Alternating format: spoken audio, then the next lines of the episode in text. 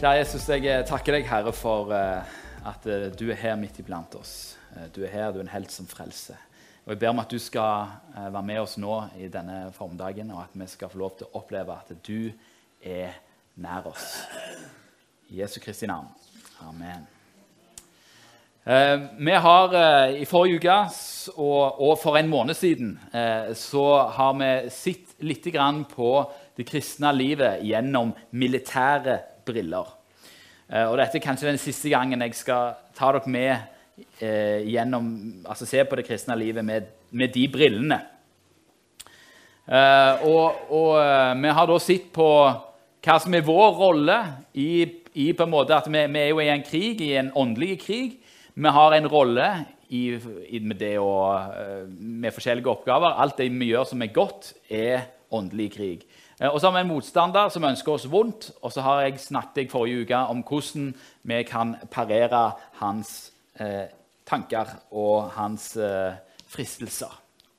Um, det vi skal se på i dag, er det jeg har kalt for enkeltmannsferdigheter. Men før jeg gjør det, så er det viktig for meg å påpeke at det, det kristne livet ikke først og fremst handler om krig. Det handler først og fremst om fred. Fred i Jesus Kristus. Vi har fred med Gud. Har, og budskapet vårt er et budskap om fred, at det er mulig å få fred med Gud. Eh, Det er dette som er vår evige kilde til kjærlighet, til tilgivelse, som gjør at vi lovpriser og tilber ham. Men utenfor den kjernen så finnes det en verden som ikke kjenner Gud, eh, og som noen ganger ikke vil kjenne ham heller.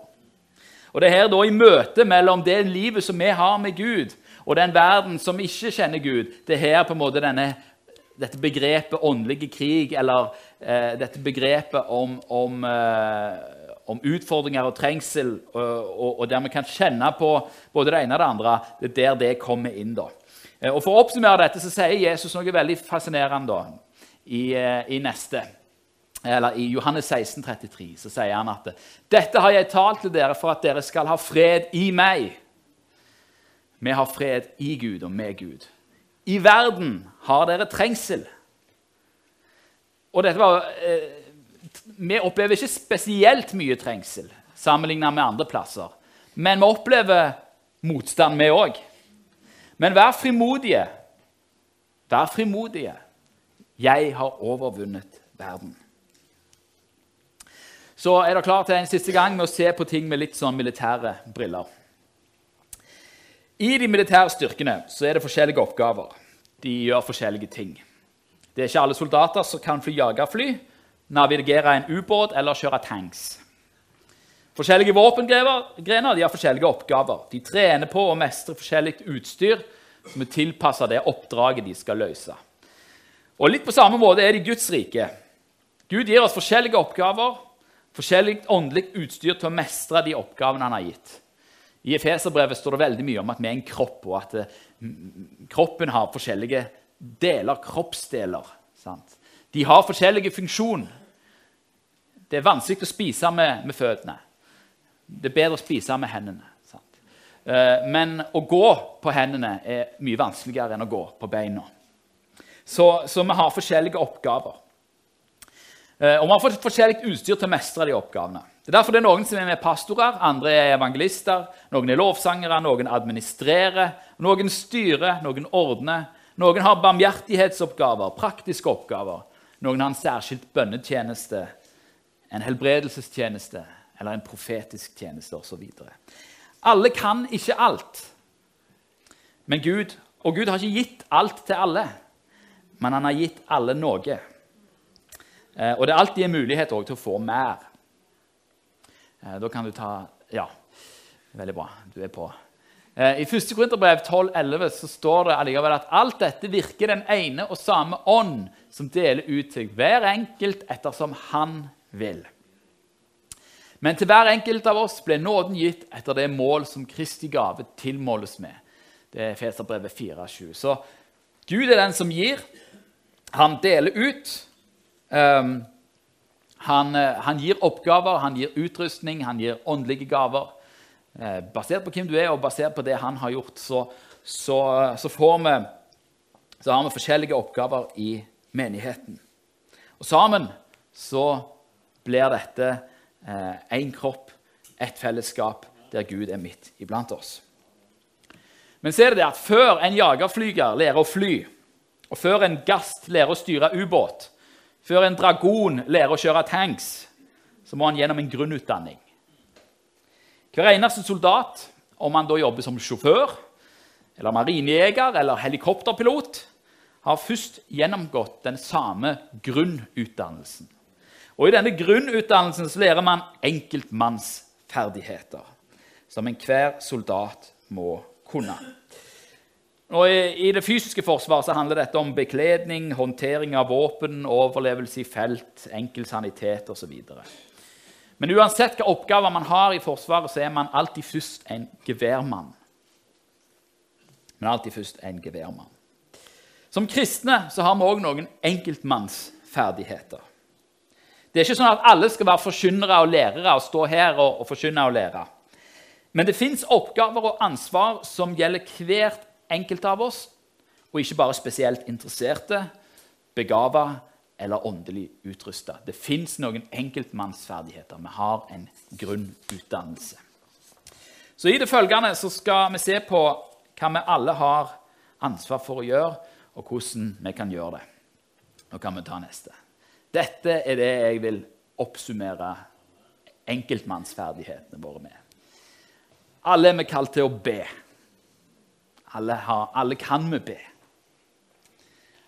Alle er vi kalt til å gjøre kjærlighetsgjerninger. Og jeg, jeg, kaller det kjærlighetsgjerninger av en grunn, men det er gode gjerninger. Og alle har vi et vitnesbyrd om hva Gud har gjort for oss, som vi er kalt til å dele med andre mennesker. Vi kan begynne med det første. Det første og kanskje viktigste, mektigste og kanskje viktigste våpenet i en kristens arsenal, det er bønn. Og bønn er veldig mye. Det er mye som på en måte defineres av bønn. Eh, bønn er jo bare å gå inn i, i Guds nærvær. Sant? Det er bønn. Eh, det å legge av seg bekymringene hos Gud, det er bønn. Vi kan hvile i bønn. Vi kan høre hva Ånden sier i bønn. Bønn er kommunikasjon. Det er takkebønner, det er lovprisningsbønner, det er tilbedelse. Så Alt dette omfattes i bønn. Så når jeg sier bønn, så kan jo det være veldig mye. Men i, i dag da, så skal vi se litt på at, hva bønn er for andre menneskers frelse og helbredelse. Denne bønnen om at ondskapens makter må fly. Bønn som åndelige krig. Jeg vet at det er litt sånn usmakelig å sammenligne vanlig krig med åndelig krig akkurat i disse tider. Eh, og jeg har ikke dratt inspirasjon fra Ukraina-krigen, for det er en forferdelig ting. Eh, men jeg, jeg, jeg velger likevel å bruke bildet, for jeg vil at dere skal forstå eh, hvor, eh, At dere skal forstå kraften i bønn.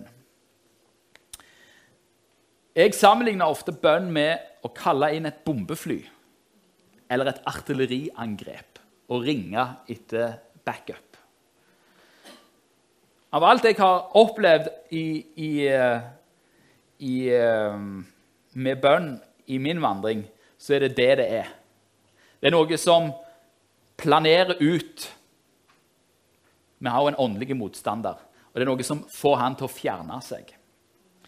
Eh, du ser I Kolosserbrevet 3-4 så ser du at Paulus han har en akkurat samme tanke. Han sier, han sier be også for oss at Gud må åpne en dør for ordet. Det vil si, ta ned de der, de der portene, de der veggene, som, som stenger for at ordet kan bli forkynt sånn at vi kan forkynne Kristi mysterium. For det er for dets skyld jeg er i lenker. Be om at jeg kan åpenbare det ved å tale som jeg bør. Og Der sier også Paulus at det finnes mange tanker som kan komme inn i meg, sånn at jeg ikke taler sånn som jeg burde tale. Men be om at jeg òg må kunne tale som jeg bør. Her Tidligere i år så, uh, var jeg på en en tentroleir, altså en konfirmasjonsleir, for å tale. Jeg har kanskje sagt det til noen før. Noen av dere har kanskje hørt dette før. Eh, I den uka som leda opp til denne, så, så, kjente jeg på masse motstand i, i meg sjøl. Veldig mye motstand. Eh, og, jeg, og det var, Dette var rett etter at jeg hadde snakket om åndelig krig første gang. Så jeg var litt sånn Ja, ja, ok. Det er motstand, ja. Det betyr at okay, Gud har en plan. Eh, og så var det folk her som var med og ba. Og så var det veldig mange eh, eh Det var veldig mange som, som, var med og ba for den leiren i andre menigheter av de som, der, de som, skulle komme der. Dette var nede på Sørlandet. Og, og jeg, når vi kommer der, da, så bare merker vi at her er det jo Ungdommene de var alle veier, men når vi var på, på møte, når vi skulle forkynne ordet, så var det knust. De satt, og de hørte, og de lytta. Det var akkurat som om det var noen som hadde slått ned. Og det var fordi det var noen som hadde slått ned. Og når vi fikk da forkynt og forkynt og forkynt, eh, og til slutt utfordra de på å ta imot Jesus, så var det 20 ungdommer som sa at de ville bli frelst. Og det er fordi at dere var med og ba. Ja, det er lov å klappe. Det er amen til det. Det var ingen motstand. Gud hadde lagt all motstand flatt. Det var sånn vi opplevde det. Hvorfor det? Jo, fordi mennesker ba. De hadde kalt inn artilleriet. De hadde kalt inn bombeflyet. Planerte det. Da var det bare til å rykke inn. Det var ingen motstand. Så du har fått et redskap i bønn. Bruk det. Bruk det. I Jakob 5 Nå tar neste. 16b eh, så står det at et rettferdig menneskes bønn har stor kraft og virkning. Når du er rettferdig i Jesu blod Det betyr at din bønn har stor kraft og virkning, du som tror på Jesus. Det er fort gjort å tenke at hvorfor skulle Gud bry seg om mine bønner? Eller jeg ser ikke bønnesvaret, så hvorfor skal jeg fortsette å be? Du kan tenke at jeg er ikke så flink til å be som om bønn handler om prestasjon. Det handler ikke om prestasjon. Bønn handler faktisk ikke om den som ber. Det handler om ham du ber til. Det er derfor bønn har stor kraft og virkning. Du er i Kristus. Kristus bor i deg ved Den hellige ånd. Og når du ber i Jesu navn, så hører far på deg på samme måte som han hører på Jesus. Og han svarer. Han svarer. Og Derfor kommer jo også Paulus sin oppfordring til tessalonikerne i 1. Tessalonikerbrev 5, 17. Be uten opphold. Alltid ring etter artilleriangrepet. Alltid ring etter det bombeflyet. Du kan alltid be. Og, og til de som, som, som, ikke kan gå ute, eller som er skrøpelige eller syke på en eller annen måte. Du kan alltid be. Det er ikke avhengig av tid, sted og rom. Be. Be. Så går vi videre til neste, som da er kjærlighetsgjerninger. Grunnen til at jeg kaller det kjærlighetsgjerninger, det er fordi at eh, eh, det er gode gjerninger som er gjort i kjærlighet, dvs. Si med rett motiver. Eh, både Paulus og Jesus kommer med noen eh, kommer med noen uh, utfordringer eller ting vi skal være på vakt for i dette med å gjøre gode gjerninger, i dette med å, være, ja, å gjøre det gode. Dere tjenere, vær lydige mot deres jordiske herrer i alle ting, ikke med øyentjeneste for å gjøre mennesker til laks, men av et oppriktig hjerte i ærefrykt for Herren. Det dere gjør, gjør det av hjertet som for Herren og ikke for mennesker. Eh, Fariserene gjorde òg masse gode gjerninger for å bli sett av folk. Det, De gode gjerningene må komme fra et rett hjerte. Eh, Derfor sier også Jesus i Matteus 6,1.: Ta dere i vare, så dere ikke gir deres almisse for øynene på folk for å bli sett av dem. Da har dere ingen lønn hos deres far i himmelen. Så det handler um, det er derfor skal vi gjøre gode gjerninger, ja, men de skal være gjort med rett motiver. Som at du faktisk elsker. Du elsker Herren, du elsker de menneskene du tjener. Eh, du gjør det ikke for å for å, for å få noe. Eller, eller for å se på han så flink han er, eller å, så flink hun er. Det er ikke det som er målet. Jesus sier noe om de gode gjerninger, og òg at de skal bli sitt. Men, men se på denne. denne her, jeg synes dette var fascinerende når jeg oppdaget dette i går. Eh, neste, som, jeg har ikke sett det på den måten før. Matteus 5, 14-16 sier han, dere er verdens lys. En by som ligger på et fjell, kan ikke skjules. Heller ikke tenner noen et lys og setter det under et kar, men i lysestaken. Da lyser det for alle som er i huset. Slik skal dere la lyset deres skinne for menneskene, så de kan se de gode gjerningene dere gjør, og prise hvem da? Deres far i himmelen. Der ser du forskjellen.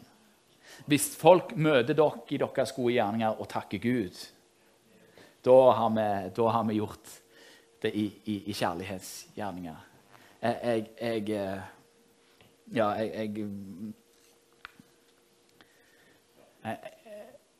jeg jeg, eh, snakket her i forrige uke med, med en som, eh, som fortalte sitt vitnesbyrd. Og, og, som fortalte om ei, dame som hadde sett han og, og tatt, tatt, tatt, vare på han når han hadde flykta hjemmefra. Uh, og hele denne historien for han handler om hva Gud har gjort. Er, altså selvfølgelig, hun, hun, gjorde jo noe, men, men, det var Gud som gjorde det gjennom huset. Han priste Far i himmelen for det hun gjorde. Eh, og sånn skal vi være i våre liv òg. Eh, vi skal gjøre gode gjerninger i kjærlighet. For når vi gjør gode gjerninger i kjærlighet, så får Gud takken, ikke oss. Um, så betyr ikke det at vi ikke skal hedre hverandre når vi ser folk gjøre gode gjerninger mot, eh, rundt oss. Men, men, eh, men, det handler om at eh, Det handler om at alt som er godt, peker til syvende og sist tilbake på Gud. Så betyr ikke det at du ikke får lønn. Selvfølgelig får du lønn. Du får lønn for alt det gode du gjør, som er gjort i oppriktighet. Men gå rundt og gjør godt. Kjærlighetsgjerninger det er som lys peker tilbake mot lysets far, han som er opphav til alt som er godt. Ble ikke trett av å gjøre det gode, for det vitner om en god Gud. Så skal vi se på den siste saken, som er det å være et vitne. Vitnesbyrdet. Hvis du blir innkalt som vitne i en rettssak Er det noen her som har vært vitner i en rettssak? Det kan være. Ja, du har vært ja. Det er flere her som har vært der. Hvis dere har vært vitne i en rettssak, så er det fordi dere har sittet og hørt et eller annet. Dere har sittet og hørt noe. Et vitne er en som har sittet og hørt noe. Han forteller, Når du vitner, så forteller du om det som du har sett og hørt. Og Jesus sier til, til apostlene i Apostlenes gjerninger 1,8.: Dere skal få kraft idet Den hellige ånd kommer over dere, og dere skal være mine vitner både i Jerusalem og i hele Judea og Samaria og like til jordens ende. Apostelens gjerninger 2,32 står det at denne, så sier Peter denne Jesus reiser Gud opp, og vi er alle vitner om det. Apostelens gjerninger 5, 30-32, dette er også Peter. Våre fedres Gud reiste Jesus opp, han som dere drepte ved å henge ham på et tre. Ham har Gud opphøyet ved sin høyre hånd til høvding og frelser for å gi Israel omvendelse og syndenes forlatelse. Vi er hans vitner om dette, og det er også Den hellige ånd som Gud ga dem som lyder ham. Disiplene var alle vitner om det de hadde sett og hørt. De hadde fysisk sett at Jesus sto opp fra de døde. Og det var de vitner om. De hadde sett og hørt noe.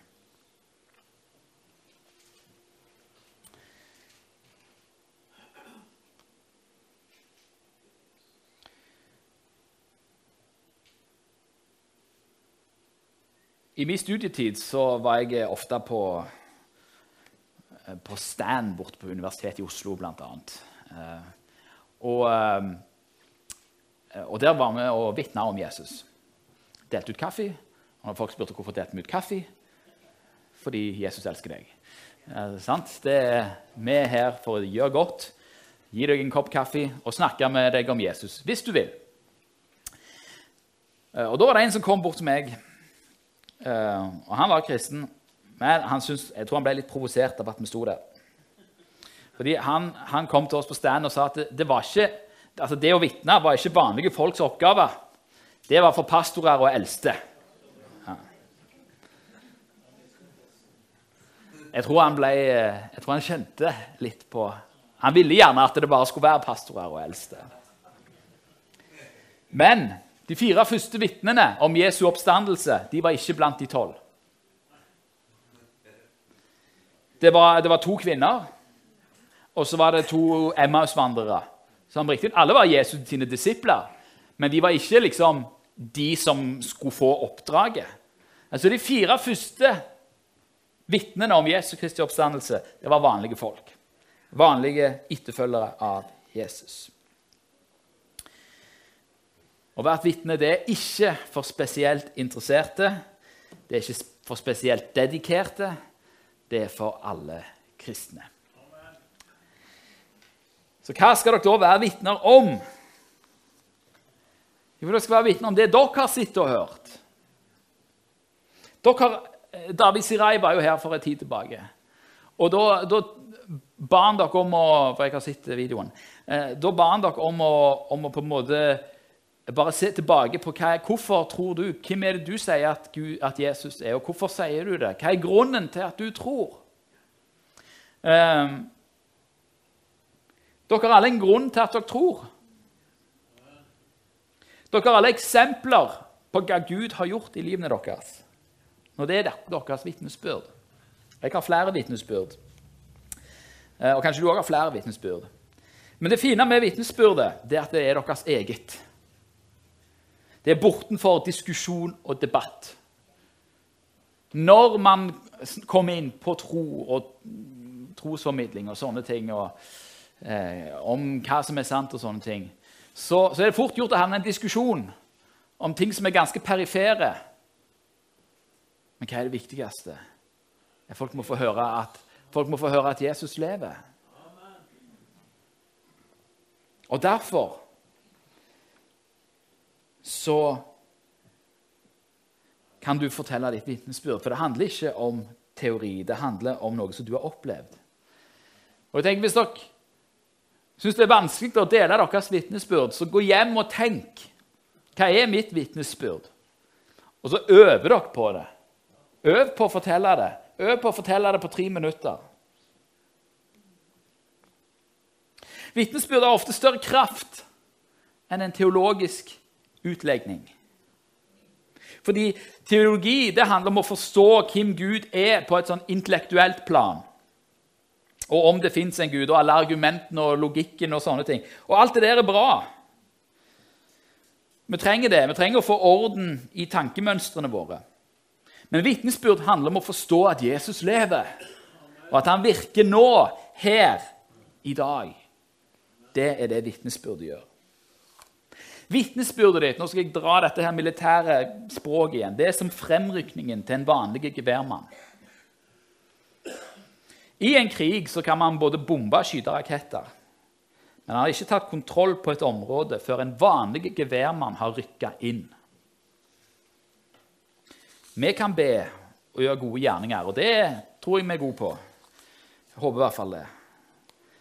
Men så er det, fakta at det er mennesker blir ikke frelst før noen åpner munnen og forteller dem hvem Gud er. Selvfølgelig, Gud kan Han trenger ikke alltid det heller.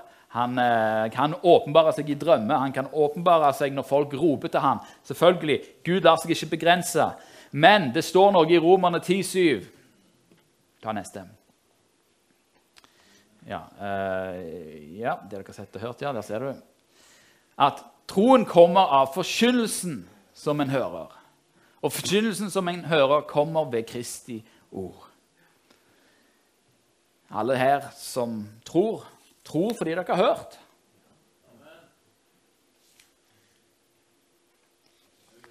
Så er det dette som er den utfordrende, da.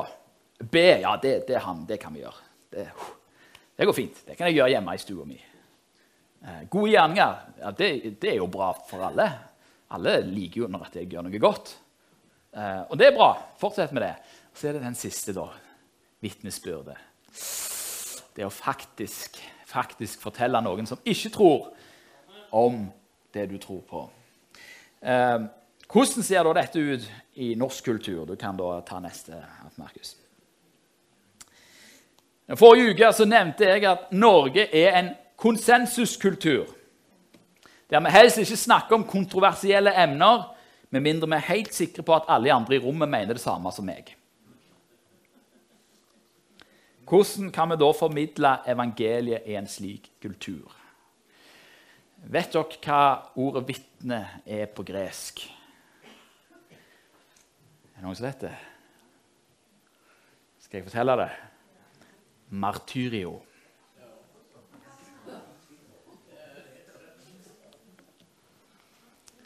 Martyr. Å være et vitne er å være en martyr.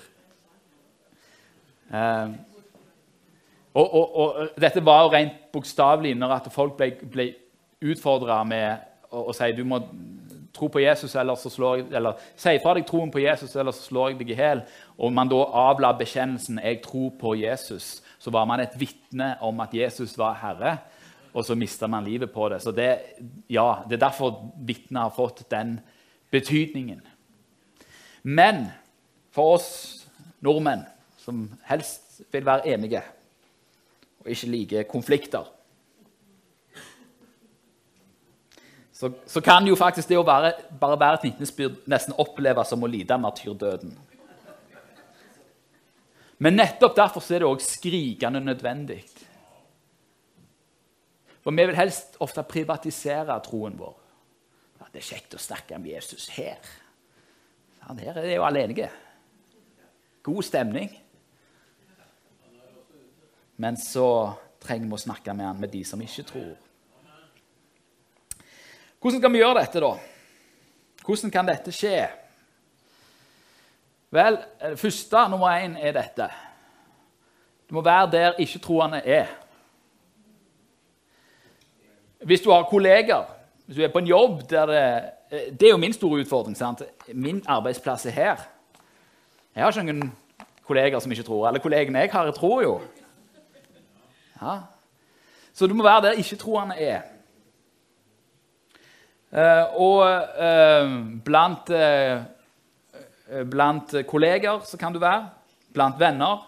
Hvis du verken har kolleger og du har ingen venner som ikke tror, så har jeg et tips til deg. Finn en hobby. Nå er jeg helt seriøs. Finn en hobby som er, som er kjekk å holde på med. Du vet, hvis du skal eh, bli kjent med folk i, i, eh, i, andre kulturer, så går man kanskje på en kafé og setter seg ned og begynner å snakke med folk. Hvis du setter deg ned på en kafé og begynner å snakke med folk eh, i Norge, så ser folk fryktelig rart på deg, og de flytter seg. Så vi snakker ikke med folk på bussen engang. Sånn er det bare. Men hvor er det, hvor er det mm, nordmenn treffes og snakkes? Jo, hvis du gjør et eller annet som er felles da kan du ha det plutselig noe å snakke om. Så Finn en eller annen hobby som dere liker å holde på med. Du ser det når folk er oppe i heia og går på tur, så begynner folk å snakke bare, så bare det. Hvorfor det? Jo, de gjør jo det samme. Vi er jo ute og går på tur. Da har vi plutselig noe felles. Hvor langt skal du gå? Så er praten i gang. Ganske merkelig, men sånn er det. Eh, så finn en hobby. Jeg har en hobby. Ja, jeg slåss med sverd sammen med Tryg, Trygve, som sitter bak der. Han hadde litt uhell på trening og røyk akillesen, stakkar, så dere må be for han. Men eh, det er en glimrende plass for meg å fortelle om Jesus. Så har jeg et eh, tips nummer to. Dette høres veldig klisjé ut. Vær deg sjøl. Hva mener jeg med det? Det er jo mange i vårt samfunn som snakker om at vi skal være oss sjøl. Du er en som tror på Jesus, og forhåpentligvis er det det viktigste i ditt liv. Det betyr at for at du skal være ekte og ærlig med, med, med, med dine kolleger og dine venner, så er jo det, det er jo den, det er jo det som er det sentrale i livet ditt. Hvis du ikke deler om det, så er du ikke ekte. Da er du ikke deg sjøl.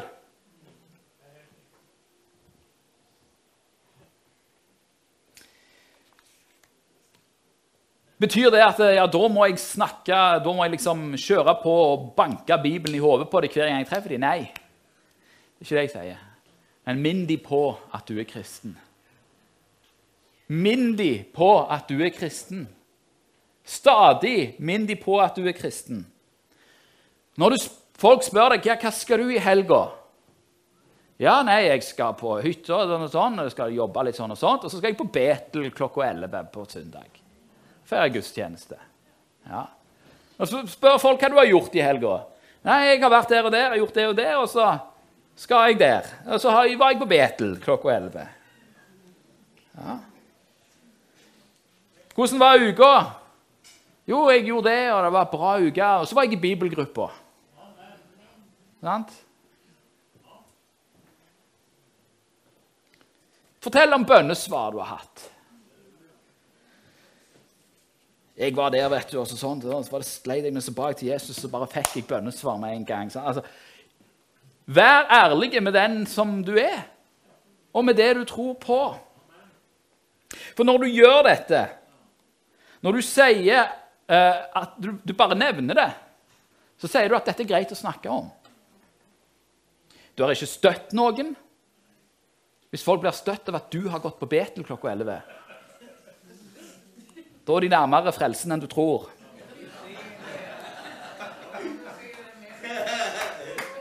Du har ikke pressa troen din på folk. Du har ikke presset noen. Har, du har ikke stått og slått noen i hodet. Du har bare sagt hva du gjør. Ja. Du har delt med mennesker hvem du er, og hva som er viktig i ditt liv. Og Da merker du fort om folk er interessert i å vite mer eller ikke. Enten så blir det et samtaleemne, enten så ler de av deg. Da må du bare ta det med et glimt i øyet. Eller så, så prøver du å ignorere det. Da vet du ok, her er det stengt dør, her skal jeg ikke gå videre med den samtalen. Eller så spør du å ja, ja, du er det, ja. ja. Fortell meg mer. Her når det var korona, så var jeg på ei søndagstrening. Eh, av og til så, i svergruppa vår så snakker, har vi liksom søndagstrening. Jeg pleier jo ikke å kunne være på de treningene, for jeg er jo her. Men da var det korona, så jeg hadde allerede spilt inn det jeg skulle si. Så da nevnte jeg jo det, selvfølgelig. At jeg har eh, Ja, i dag så har jeg vært eh, I dag skulle jeg egentlig, vært og, talt, men eh, det har jeg allerede gjort. Så da kan jeg få lov til å være her med dere. Og så var det kjekt. Og så trente vi. Og Så kom vi innom sånne ting, og hvordan det var å være pastor. og sånt. Jeg har jo en liten fordel da, for min jobb å være pastor, så det, der har jeg en edge. jeg må si det. Um, hvis jeg skal snakke om hva jeg gjør til vanlig, så er det jo Jeg jobber som pastor, så jeg kommer jo alltid inn på det. Men på slutten av treninga snakket jeg med en av disse sverdkompisene som ikke tror. Snakket om tro i en time etterpå. Um, han er ennå ikke frelst, men kan være han kommer. Grunnen til det at han kunne gjøre det og snakke om disse tingene uh, og Han sa faktisk at jeg, jeg, jeg, må lese Bibelen en gang, sånn, bare sånn for å ha gjort det. Jeg sier halleluja, kjør på. Jeg skal hjelpe deg med det. Hva, hva var det jeg hadde gjort da? Jeg hadde ikke sagt 'du må bli frelst'. Jeg hadde ikke sagt Jeg hadde bare sagt hva jeg gjorde. Bare hva jeg gjorde. Og så ble det en, en naturlig plass. Jeg bare la det fram. Denne, her, dette er meg. Dette er det jeg gjør. Har du lyst til å vite noe? Har du lyst til å vite om det? Eh, og så blir det en samtale ut av det. Siste ting som du kan gjøre. Du kan lytte. Um, vet, uh, jeg er veldig interessert i å fortelle mennesker hvem jeg er. Men så må jeg òg være interessert i hvem andre mennesker er. Og um, her i fjor sommer så, så snak, da var vi på en sånn svær leir. og Da, da snakket jeg med en av disse som, som uh, og, og da spurte jeg det spørsmålet jeg, jeg, jeg tror jo Hvorfor tror ikke du? Hva er grunnen til at du ikke tror? Da ble det to timer, tre timer, fire timer snakk om det. Vi snakket jo bare om tro, men vi tok, vi tok det fra hans utgangspunkt. Sant? Så satt jeg og lytta og hørte og kunne møte og kunne dele. Så har du fått inngangen. Folk er veldig interessert i å snakke om hvem de er. Hvorfor tror ikke du? Hva er det som er, Hvor sitter det hen? Lytt. Alle disse eksemplene jeg har gitt, handler jo om det å evangelisere til venner, til folk som du ikke kjenner. Eller folk som du kjenner godt. Og til folk du kjenner godt, så er det en, det er en prosess. Da går du med folk lenge. Eh, og så er det noe som heter gateevangelisering òg. Og jeg vil si kort om det. Det er å formidle troen til noen du ikke kjenner. Eh, vi har noen her som er veldig på det, eh, og som kjenner at det, det er de kalt til å gjøre. Å gå ut og forkynne til mennesker som de ikke kjenner.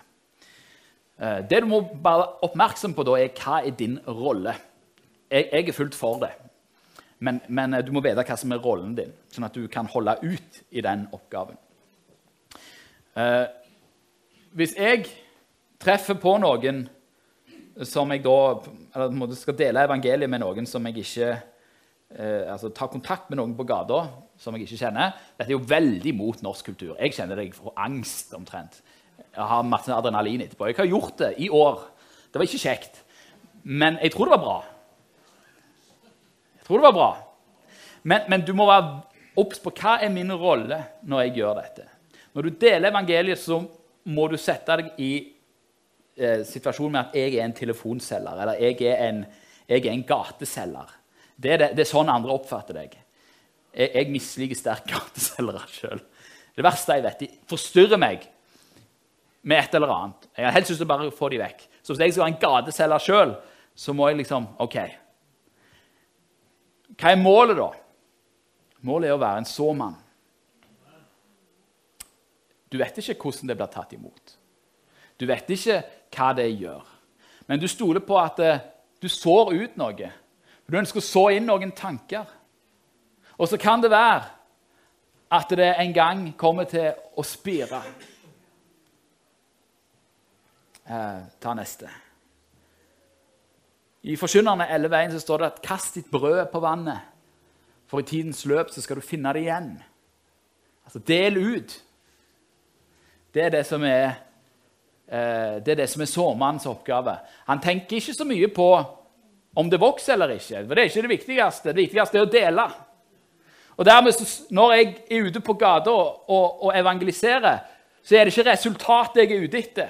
Det er ikke det viktigste, faktisk. Det viktigste er at jeg sår. Så vet jeg at nede i gata så er det noen venner av denne personen som kjenner Jesus. Og så blir det en påminner og en påminner og en påminner. Hvor, og, og, Du ser ikke resultatet, du kan bli fortvilt. Hvorfor er det ingen som responderer positivt? Det er ikke det viktigste. Det viktigste er at du sår. Eh, og Jeg vil oppfordre alle, alle til å bli med på en gateevangelisering en gang.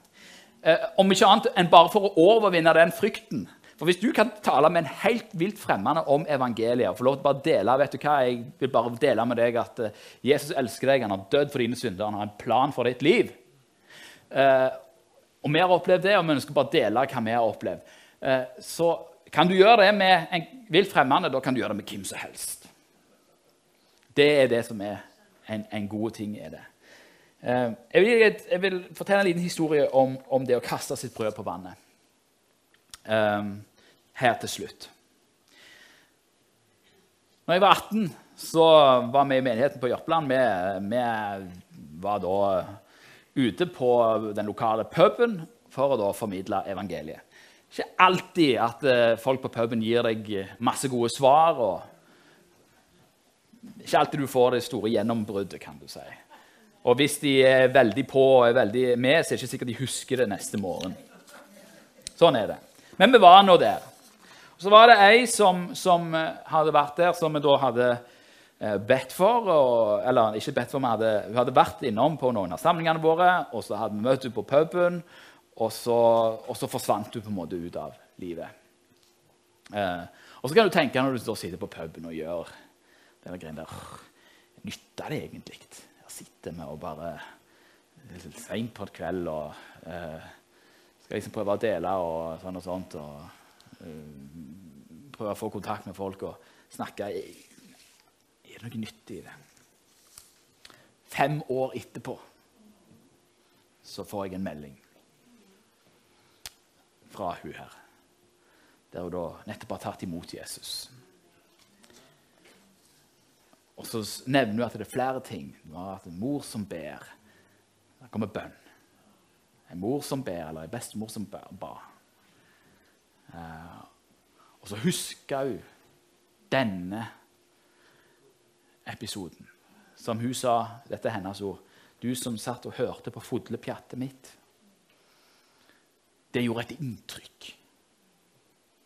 Og så litt lenger ned i gata forskjellige ting som gjør at hun da til slutt tar imot Jesus. Kast ditt brød på vannet. Tidens løp, så skal du finne det igjen. Nå har jeg brukt litt tid på den siste delen, fordi jeg opplever at i vår kultur så er det det som er den vanskeligste. Be til Gud. Gjør gode gjerninger i kjærlighet. Del hvem du er. Det er det som er vitnesbyrdet. Del hvem du er, og hva Gud har gjort i ditt liv. Det er det som eh, Ja, Går vi på det, så, er, så trenger ikke det å, å vitne være så vanskelig. For det handler ikke om resultatet, det handler om å vitne. Mm. Hvis vi lar Gud ta seg av resultatet, det er han som frelser. Det er han som kaller på mennesker. Vi er kalt til å dele det vi har fått. Og Så får folk ta imot det ettersom de vil eller ikke. Og så kan vi gjøre det på en smart måte. Nå har jeg vist dere én måte. Det fins nok flere måter som fungerer. Men dette er det som har fungert for meg. Jeg minner mennesker på at jeg er kristen. At det er helt greit å snakke med meg om kristne ting. Og så har det blitt gode samtaler ut av det. Så har jeg fått lov til å vitne. Yes. Skal vi eh, be sammen? Kjære Jesus, jeg eh, takker deg, Herre, at eh, vi har fred i deg. Og så ber jeg om at du skal hjelpe oss å være smarte. Enfoldige som duer og kloke som slanger, som det står i ditt ord, i møte med verden. Jeg ber om at vi skal være dyktige i å formidle evangeliet og formidle våre vitnesbyrd. Fordi Det handler ikke om å skal banke noe i hodet på noen. Det handler om å bare dele om hvem vi er, og hva som er viktig for oss. Jeg ber om at du skal utfordre mennesker som er her i salen til å ta noen nye skritt i denne. Eller ta noen nye skritt i bønn. Eh, eller ta noen nye eh, Vise dem noen gjerninger som de skal gjøre. Og så takker vi deg at eh, Vi vet jo at vi ikke alltid får til disse tingene. Og så ber jeg om at så vet jeg at det er ikke meningen at vi skal sitte her og føle, føle dårlig samvittighet. Fordi vi har fått fred i deg, og nå skal vi feire nattverd, kjære Jesus.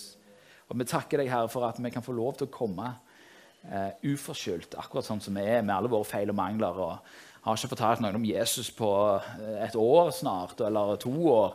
Helt greit, vi kan få lov til å komme sånn som vi er. Og så gjør du oss i stand, og så gir du oss kraft til å åpne disse dørene eh, som, vi skal, eh, som vi skal gå inn i. Og Så kan vi gå i de gode gjerningene som du forhånd har lagt foran oss for at vi skal vandre i. Jeg takker deg for Jesus. Amen.